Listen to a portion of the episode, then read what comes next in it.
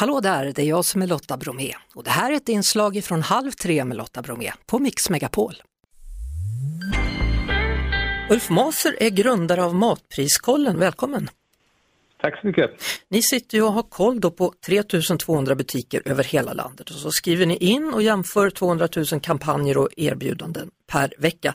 Ni måste ha märkt, som alla oss andra, en, en svängning i matpriserna senaste tiden. Ja, det har vi gjort. För vi följer även ordinarie priserna väldigt, väldigt noga och då pratar vi om tiotusentals artiklar som vi tittar på hur priserna förändras egentligen dag för dag. Och där är det är dramatiskt det vi ser nu. Ja, är det någon speciell matprodukt som har ökat i pris? Ja, man kan väl bara kort perspektiv, men när vi tittar på över 40 000 artiklar vad de kostar ordinarie i början på juni och i slut, början på maj så ökade de 1,4 procent. Och sen årsskiftet har de ökat lite över 5% och på 12 månader 6 wow. Och eh, det kan man tycka, men det kan man väl kanske leva med. Men hela förra året så var det bara 1,1 procents ökning. Så att hela ökningen den har ju kommit nu efter nyår kan man säga. Och det är pandemiefterverkningar och sånt. Och det som nu slår, fortsätter slå här nu, det är egentligen framförallt jordbruksnära produkter som har haft eh, en ordentlig ökning under april och maj också.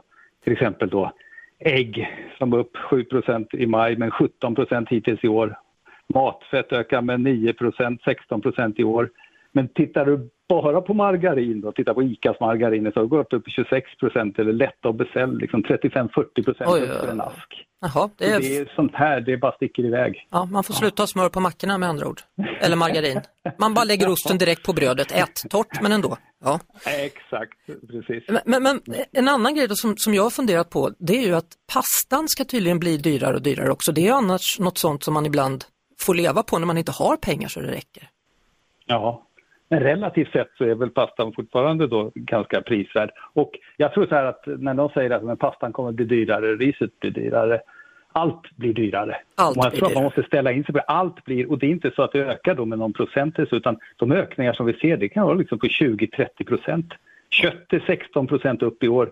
Kycklingfilé ligger upp 24 procent upp i snitt och då, då går du in i butiken och tittar. Det mycket som ökar från 95 spänn för ett kilo till 100 20, 125 spänn, 30 spänn per på ett paket. Liksom det är enormt. Ja, det. Nej, det här är inte bra. Nej, det är inte alls bra. Vilka varor är det som har blivit billigare då? Man har ju hört mycket om purjolök och blomkål.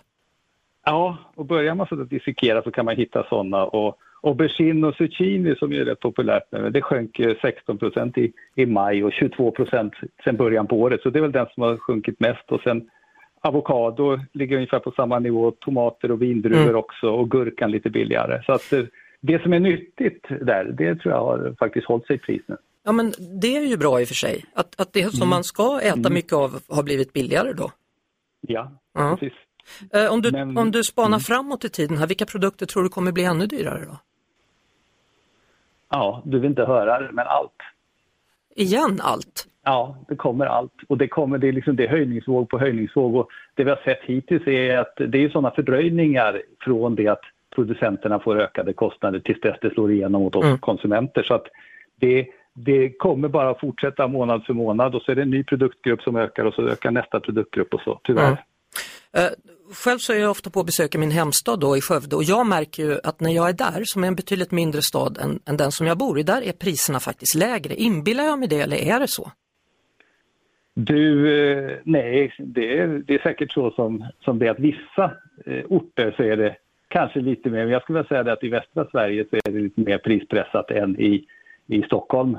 Mm. Eh, och Stockholms innerstad och så, så är det ju ganska eh, höga priser på det. Men sen är det så att det finns ju vissa kedjor, ta Willys och Lidl och Citygross, de har ju samma pris på alla butiker över hela landet. Mm. Så att eh, därigenom så går du in på Willys i Stockholm eller Willys i, i Skövde så spelar det inte så stor roll. De är billigast eh, i båda, båda fallen. Så det, mm. det pressar ju ner prisnivån något.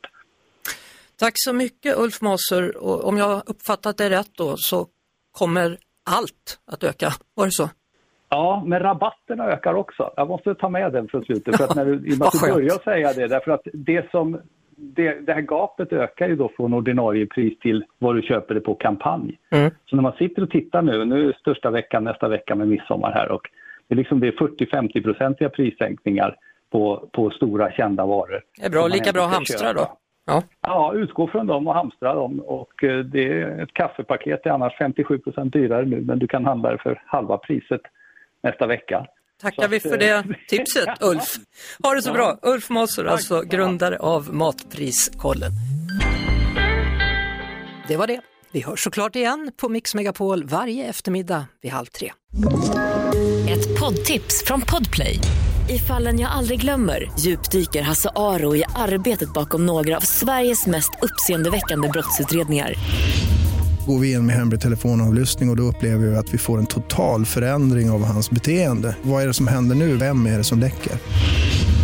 Och så säger han att jag är kriminell, jag har varit kriminell i hela mitt liv men att mörda ett barn, där går min gräns. Nya säsongen av Fallen jag aldrig glömmer på Podplay.